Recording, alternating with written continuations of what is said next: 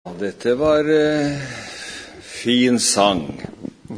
Dette er god forkynnelse, folk. Ja. God kristen sang, det er virkelig kristen forkynnelse. Takk skal dere ha, jenter, og lykke til med, med utførelsen av å synge om Jesus. Jeg skal lese to vers i fortsettelsen her i kveld. Det finner vi i Johannesevangeliet i det 16. kapitlet. Johannes 16, og jeg leser versene 23 og 24. I Jesu navn. Og på den dag skal dere ikke spørre meg om noe. Sannelig, sannelig sier jeg dere, alt det dere ber Faderen om, skal Han gi dere i mitt navn. Hittil har dere ikke bedt om noe i mitt navn. Be, og dere skal få, for at deres glede kan være fullkommen. Ja, teksten den er hentet ifra Jesu avskjedstaler til, til disiplene sine. Og denne talen den eh, inneholder da det 14., 15. og 16. kapitlet hos Johannes. Og Jesus knytter sterke løfter til bønn i hans navn i dette tekstordet. Alt det dere ber Faderen om, skal han gi dere i mitt navn, sier han. Det er evangelium. Og Derfor så setter vi bønnens evangelium som overskrift over tankene vi skal dele med hverandre ut ifra denne teksten. Skal vi innledningsvis først møte hverandre med noen spørsmålsstillinger til ettertanke og gjennomtenkning? Jeg husker jeg fikk et tema angående bønn en gang. Det var visst borte i Telemark. Hvordan og hvorfor skal vi be? Jeg vil si det med nynorskfolk, så de stilte det med kvifor og kåleis. Ja, ja. Men spørsmålsformen vil raskt føre oss inn på lovens vei i bønnelivet.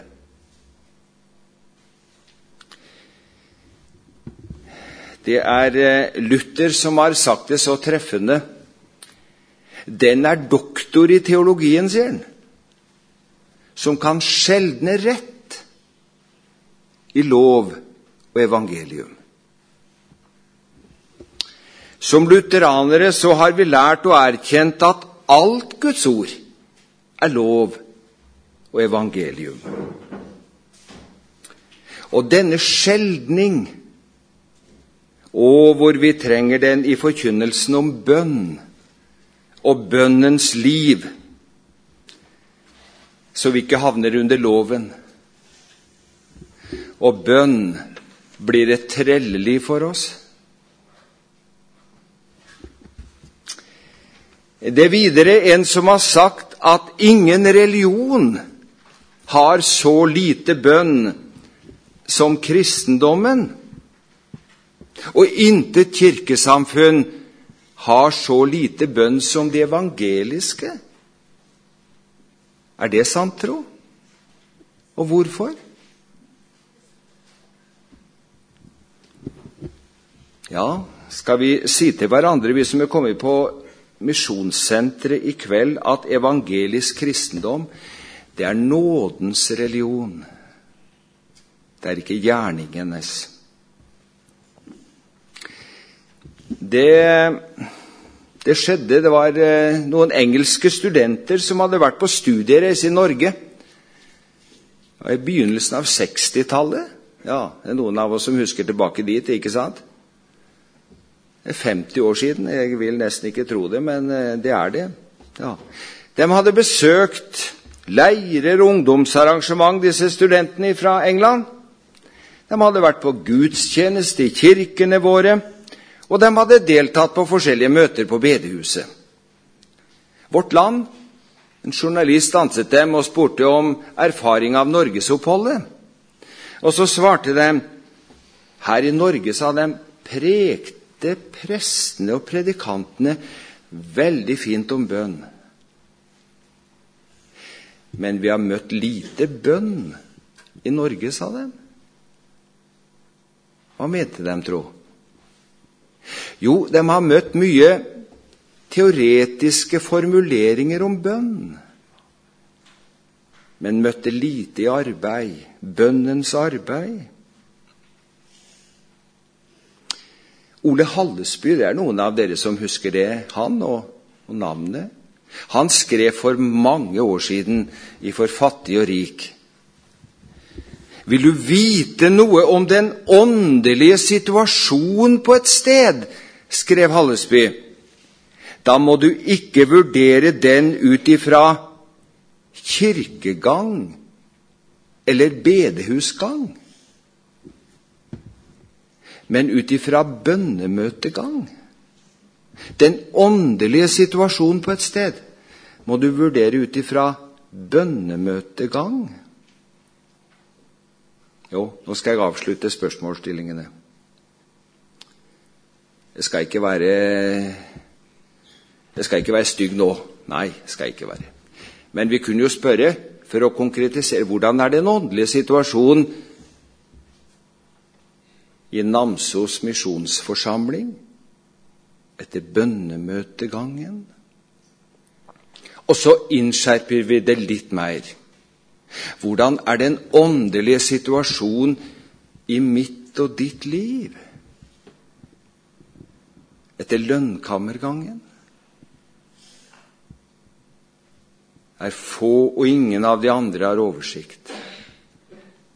Men du vet noe om det. Jo, det er godt at det er bare Gud selv som kjenner det rette svaret på disse spørsmålene. Og så er det så trygt, synes jeg, å få vite og tro at denne Gud er min far for Jesus skyld. Og denne trøst har kimt i sinnet mitt i dag fra Lina Sandell sin sang når hun synger O Jesus, åpne du mitt øye, at jeg må se hvor rik jeg er. Jeg som har en Fader i det høye, som Fader omhu for meg bær. Og så skulle jeg snakke om denne vanskelige tingen i kveld. Jeg understreker det, jeg syns det er vanskelig å preke om bønn. Og vet dere hvorfor jeg syns det er spesielt vanskelig? Det er fordi at jeg er ingen bønnemann og bønnemenneske. Jeg har bodd i mange heimer. Jeg har sittet om kvelder eller ellers og hørt folk fortelle om han predikanten og navnsnevnelse. Han bodde på loftet her over oss. Han sto opp om natta vi hørte han bøyde kne ved senga. Han nevnte oss ved navn, alle sammen. Han var så stille der rundt matbordet. Han var et bønnemenneske. Og så kjente jeg på der jeg satt som, som predikant ja, dere har visst ikke fått noen bønnemenneske i huset nå.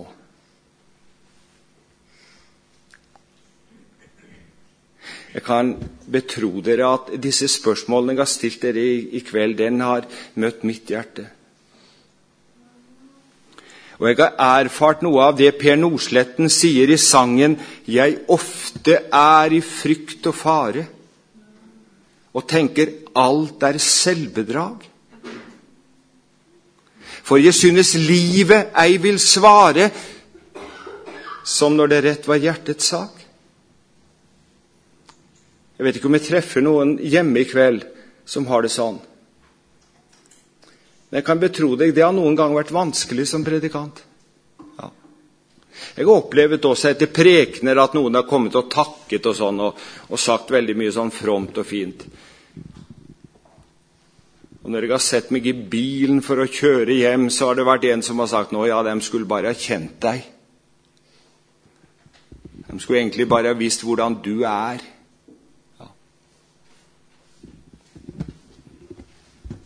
Du har det sikkert ikke sånn, men han som står på prekestolen, han har møtt dette helt konkret. Men Nordsletten sier litt mer i den sangen. 'Hvor skal jeg hen med denne nød', sier han. Jo, ile til min frelsers skjød og vidunderlige farsfang, som tar imot mislykte forbedere. Og vi kunne få pekt på dette fanget for hverandre, vi som er kommet sammen i kveld. At du kunne fått oppleve at det er et fang å springe til som løfter deg opp og holder deg inntil seg og sier at du er jenta mi fortsatt, du er gutten min. Hva er det å be til Gud, folk? Skal vi spørre hverandre om det i kveld?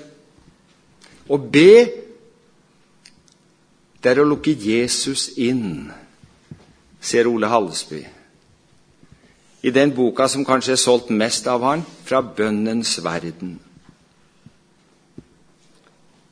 Bønn, det er å tale enfoldig med Gud i sitt hjerte, sier Erik Pontoppidan.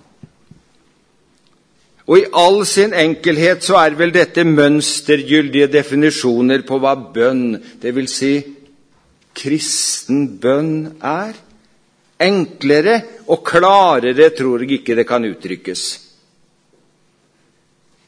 Bønn er menneskets reaksjon på Guds aksjon. Ja, for før vi tenker på å banke på bønnens dør, så har Gud banket på vår hjertedør. Han minner en menighet som forteller at den er rik og har overflod og mangler ingenting. Så sier han til denne menigheten Se, jeg står for døren og banker. Om noen hører min røst og åpner døren, da vil jeg gå inn til ham. Før vi roper på Gud, så roper han på deg og meg. Det er alltid Gud som tar initiativet når det blir bønn i ditt liv og i fellesskapene våre. Bønn? Jo, det er å tale enfoldig med Gud i sitt hjerte. Skal vi stanse for den saken i kveld? Tre viktige sider sies oss her ved bønnen. Først bønn. Det er å tale med Gud. La det synke litt hos deg.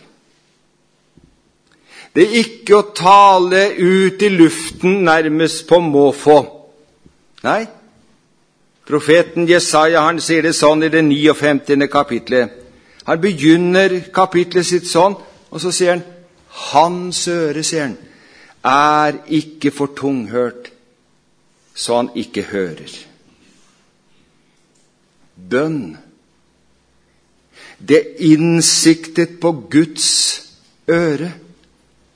Han hører. Jeg ga han Knut en sang, men han fant ut at eh, det ble litt langt utover hvis vi skulle synge, så vi Men sånn står det i sangen. Hvert bønnesukk som i ditt hjerte røres, det høres klart i himmelens helligdom. Bønn det er ikke å holde en kortfattet innføring i dogmatikk for vår Herre. Nei, du trenger ikke å orientere Han om hva du, hva du mener, altså. Nei. Ei heller å bruke så mange vanskelige tankekonstruksjoner at en må si med, med professoren på MF Han bøyde kne sammen med noen studenter nede i kjelleren i et bønnerom. Og så begynte han å snakke på latin og litt på gresk og litt hebraisk. og så og så datt det ut av han. Jeg håper du skjønner meg, Gud, sånn. Ja, ikke sant? Noen ganger så kan man kanskje føye til det. Ja. Men vår Herre han er sånn rimelig god i, i språk, ja, så det kan vi slappe av helt for. Bønn er samtale med Gud. Det er barnets tale med far. Og så sier David, hør, Herren har fortrolig samfunn med dem som frykter Han, sier han i Salme 25. Og dette fortrolige samfunn, det er tosidig. I bønnen så meddeler vi oss til Gud. Og Han taler til oss gjennom sitt ord og ved sin ånd. Og Emma Brekke, han synger i sangen 'Fortell ham alt'. Du eier jo en fader som gjerne hjelpe vil i smått og stort. Han som for Jesus skyld din synd forlater vil. Ingen hjelpeløse vise bort. Bønn er å tale enfoldig med Gud. Jo, det kunne ha vært spennende å spurt. Hva forbinder du med å være enfoldig? Enfoldig er ikke det samme som å være dum. Eller å ha liten bagasje, hvis det var noen som tenkte sånn. Det er David som ber sånn i Salme 139. Prøv meg, sier han, og kjenn mine mangfoldige tanker. Enfoldig tror jeg står i motsetning til å være mangfoldig. Jeg var i 60-årsdagen til Gunnar Prestegård. Ja, det vil si det var en sånn åpen mottakelse, og jeg fikk lov til å være med noen venner. Jeg kjenner Gunnar rimelig godt og har betraktet han som min venn.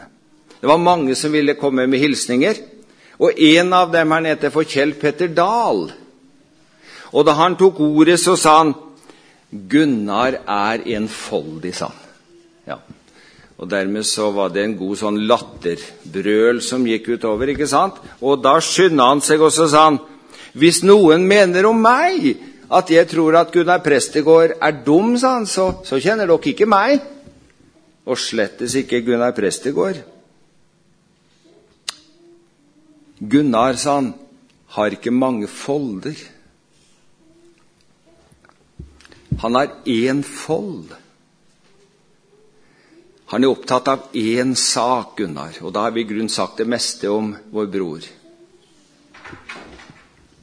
Jeg husker som medarbeider og forkynner ble noen ganger kalt inn på kontoret hans. Og da spurte han ofte Åge, er det noen som blir frelst. Har du fått bedt med noen i det siste, Åge? Ja. Dette preger Gunnar fortsatt. Jeg snakka med ham om onsdagen før jeg reiste hit, og han spurte om det. Ja. Hvordan går det i tjenesten? Har du fått bedt med noen?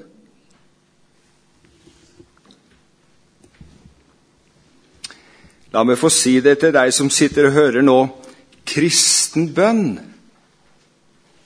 den er enkel i formen. Den er enfoldig, det vil si, den er preget av én sak. Det er barnets forhold til far. Om en bønn er velformet eller klosset, gjør ingen forskjell. Vår Far i himmelen, han lytter om ordene faller aldri så hjelpeløs. Fortell ham alt. Det mye bedre høres enn du kan føle i din fattigdom. Hvert bønnesukk som i ditt hjerte røres. Det høres klart i himmelens helligdom. Nei, Gud retter ikke våre bønner som en skolemester rettet våre norske stiler. Jo enklere bønnen er, jo bedre. Da faller alt det kunstige og tilgjorte bort. Og Jesus han sier i denne sammenhengen, i Matteus 11, 25, så sier han, Jeg priser deg, Far, himmelens og jordens Herre, fordi du har skjult dette for de vise og forstandige, men åpenbart det for de umyndige. Jeg skal snakke litt mer om det i morgen kveld. Men jeg spør hva er det som er åpenbart for de umyndige? Jeg mener at det er bønnens evangelium. Når apostelen Paulus skal klargjøre hva evangeliet er, så sier han det sånn i 1. Korinterbrev kapittel 2 vers 9. Det er mange som sitter med bibler her nå. Ikke sikkert du orker å slå det opp, men merk deg det. Der sier han det som intet, det som intet øye har sett, sier han. Og intet øre har hørt. Og det som ikke oppkom i noe menneskes hjerte, det er det Gud har beredt for dem som elsker Han. Sånn er evangeliet. Det er usett. Det er uhørt. Det er utenkelig. Visdommen og forstanden skjønner at bønn er påbud og plikt. De opplever at bønn er byrde og lov, men at bønn er gudsbarnets rett i Jesu navn. Det er åpenbart bare for de umyndige, for Guds barn. Lyst til å minne deg om dette ordet. Det var det første ordet jeg lærte utenat etter at jeg bekjente meg som en kristen. Du finner det i Johannes 1,12. Alle dem som tok imot ham, gav han rett til å bli Guds barn, dem som tror på hans navn. Alle som i troen har tatt imot Jesus som sin Herre og Frelser, eier denne barnerett, og med den bønneretten hos Gud. Og hør det, tenk å få rett til å komme fram for nådens trone. I Jesu navn. Til alle dem lyder det i teksten. Det gjelder deg som sitter nå og hører alt det dere ber Faderen om i mitt navn, skal han gi dere. Er bønnens evangelium. Og for det tredje bønn er å tale enfoldig med Gud i sitt hjerte. All kristen bønn er en hjertesak. Jo, det er et hjerteanliggende. Kommer ikke bønnen ifra hjertet, så er det tomme fraser, men ikke bønn. Det finnes ikke rett bønn uten i Den hellige ånd, skal Luther ha sagt. Og er det riktig, så svarer det til Bibelens og livets virkelighet. Til alle Guds barn taler apostelen denne trøst. I Romerbrevet kapittel 8 vers 15 så sier han dere fikk jo ikke trelldommens ånd, så dere igjen skulle frykte, men dere fikk barnekårets ånd, som gjør at vi roper Abba, far. Hører du? Trelldommens ånd og barnekårets ånd. Det stilles som motsetninger. Den første preges av frykt frykt for far. Den andre taler om barnets tillit til far. Det som man i hedenske religioner søker å oppnå ved bønnen, det er egentlig ikke, er egentlig ikke samfunn med Gud. Nei, Det hjelper ikke hvor mange ganger de bøyer seg, og om det er fint teppe og alt det der. Nei. Egentlig så prøver man å holde gudene på avstand blidgjøre han, så han ikke vrede skal slå ned på dem. Trellens ånd, den preges av frykt og redsel for straff. Men denne ånd, den trenger vi ikke til hedningene og hedenske kulturer for å oppleve. Den kan vi møte i vår nære omgangskrets. Jeg er redd du vil finne mye av den endog i Namsos. Man ber for å blidgjøre Gud. Da har bønnen blitt en byrde, et krav, ja, endog taler noen om en kristenplikt. For målet blir gjennom bønneritualet å være Gud til behag. Og så sier apostelen trellens ånd er frykt. Helt annerledes er det med barnekårets ånd. For her er det ikke spørsmål om å holde Gud på avstand eller å overtale Han. Nei, i barnlig tillit så stiller den bedende seg fram, og så roper han Abba. Fordi dere er barn, har Gud gitt sin Sønns ånd i våre hjerter, og Ånden roper Abba, Far. Han skriver Paulus i Galaterbrevet 4, 6. Abba er det samme som vårt pappa. Barnekårets ånd. Ja, er det ikke dette Sakarias taler om i det tolvte kapitlet, vers 10? Han kaller det for nådens og bønnens ånd. Men over Davids hus, over Jerusalems innbyggere, vil jeg utgyte nådens og bønnens ånd. Se Herren. Jo, det er en profeti som i første rekke gjelder Guds eget folk Israel. Men løftet gjelder også Guds folk i den nye pakt. Denne ånd gir Gud. Dette er ikke noe som vi skal opparbeide oss eller skape verken i lønnkammeret eller i fellesbønnen. Vi kan ikke skape bønneatmosfære, folk. Det er bare Gud som gir. Han utøser bønnens ånd. Vi kan bare i tro og tillit åpne oss for den. Og denne ånd, bønnens ånd, barnekårets ånd, Den hellige ånd, den bor i deg og meg som har tatt imot Jesus. Ånden søker Gud. Å søke Gud, det er å be. Bønnekontakten og samfunnet med Gud er barnekårets og bønnens største gave. Ja, det er det som er barnekårets ånd. Det er Abba-ropets rike velsignelse. Jeg skulle få lov til å si at Sammen med bønnens ånd nevnes også nådens ånd. Bønn er nåde. Ja, du hører vi bruker det, og predikantene bruker det ofte. Skulle vi ha spurt hverandre enkelt hva er nåde? Jeg er sikker på at Hvis vi latt ordet blitt fritt nå, så kanskje mange ville ha sprøttet opp og kunne sagt det. Pontoppidan sier nåde er Guds miskunnelige sinnelag mot synderen for Jesus skyld.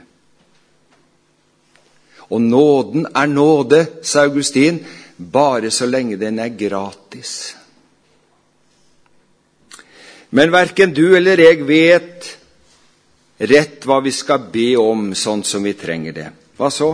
Hør hvordan apostelen ser det. I Romerbrevet 8, 26 så sier han men Ånden selv går i forbønn for oss med sukk som ikke rommes i ord.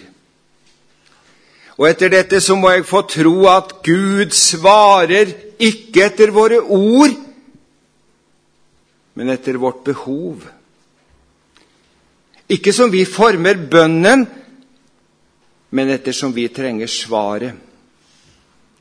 For Ånden sørger for at de riktige bønner kommer fram for Gud. Ånden selv ber. Det fortelles om forkynneren Johannes Dåsvann. Ja, det er noen av dere som husker han. Husker navnet? Ja. Han skulle ikke holde møteuke i Namsos, men han var satt på ei møteuke oppe i Østerdalen. Det var ikke så mye folk på møtene der heller. Nei. Men så skulle han på institusjonsbesøk. Det er noe fine greier. Ja. Et gamlehjem, og der satt det 13 stykker i en sånn halvmåne. Og når predikanten kommer inn der, så, så håndhilser han endog. Ja. Og der satt jeg i en, en, rullestol, og hun var sterk i klypa, så hun dro han ned til seg, og så sa hun Jaså, sa hun, er det sånn du ser ut? Deg har jeg hatt mye trøbbel med, sa hun.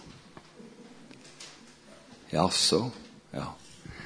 Og han holdt andakt og så på, men så sa hun, jeg må få snakke med deg, sa hun når andakten er over. Og da andakten var over, så rulla hun foran han til rommet sitt. Og da hun fått igjen døra, så sa hun det kort og enkelt. Da jeg var ung, sa hun, da viste Gud meg et syn. Han viste meg en mann. Og Jeg forsto han så tydelig at han sa at denne mannen må du be for hver dag. Og så sa hun det enkelt og på forståelig norsk. Jeg har gjort det, sa hun. Jeg har bedt for deg hver dag siden Gud ga meg dette synet. Og så skulle Johannes Ståsvann ha sagt nå kan jeg bedre skjønne hvorfor det har lyktes for meg i forkynnergjerningen. Han hadde hatt en trofast forbeder. Og hvor velsignet vi er som har hatt sånne trofaste forbedere.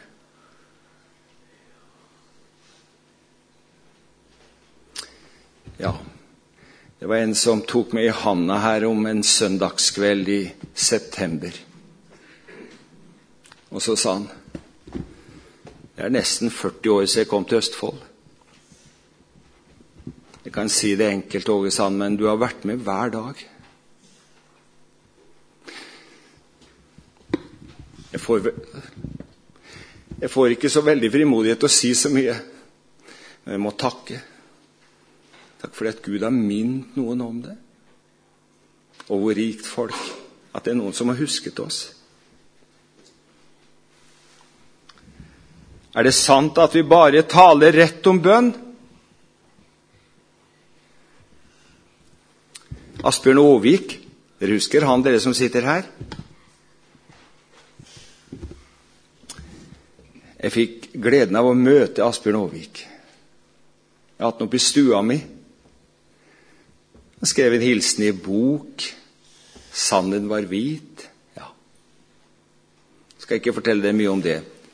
Men han skriver i et lite hefte når lysene tennes. Er det ikke det den heter? Ja. Der fortalte han at han vokste opp i en enkeheim på Sørlandet, sier han. Far døde da vi var ganske små, og så tok mor seg av oss guttene. Jeg husker en morgen sa han vi sto opp. Mor satt nede i kjøkkenet, hun har ikke satt noen ting på bordet. Og da visste jeg, sa han, da var det heller ingenting i skapet. Så kom vi ned fire gutter, og vi skulle på skolen. Mor hadde ingenting. Men før vi gikk, sa hun, så, så, så, så, tok hun oss med inn i stua. Der sto det ei stor kiste. Og så tok hun denne bibelen sin og så leste hun om da Jesus mettet 5000 i ørkenen av to små fisker og fem brød. Og så bøyde vi kne rundt den kista, og så ba mor bordbønn, forteller Asbjørn Aavik. Så kledde hun på oss, og så gikk vi på skolen. Da vi kom hjem, var det kommet mat til Åvik, fortalte han. Og noen år etterpå så døde mor. Men det var én ting hun ikke visste før hun døde. Den dagen da bordet og skapet var tomt, da hun bøyde kne sammen med oss, da bandt hun mitt lille guttehjerte til trona der oppe i himmelen. Og siden har det guttehjertet vært bundet til trona der oppe. Jo, jeg har også fem barn. Det hender jeg spør og Berit jeg skal tro hva barna våre sier. Om mamma og pappa har vært med og bundet hjertene våre til trona der oppe.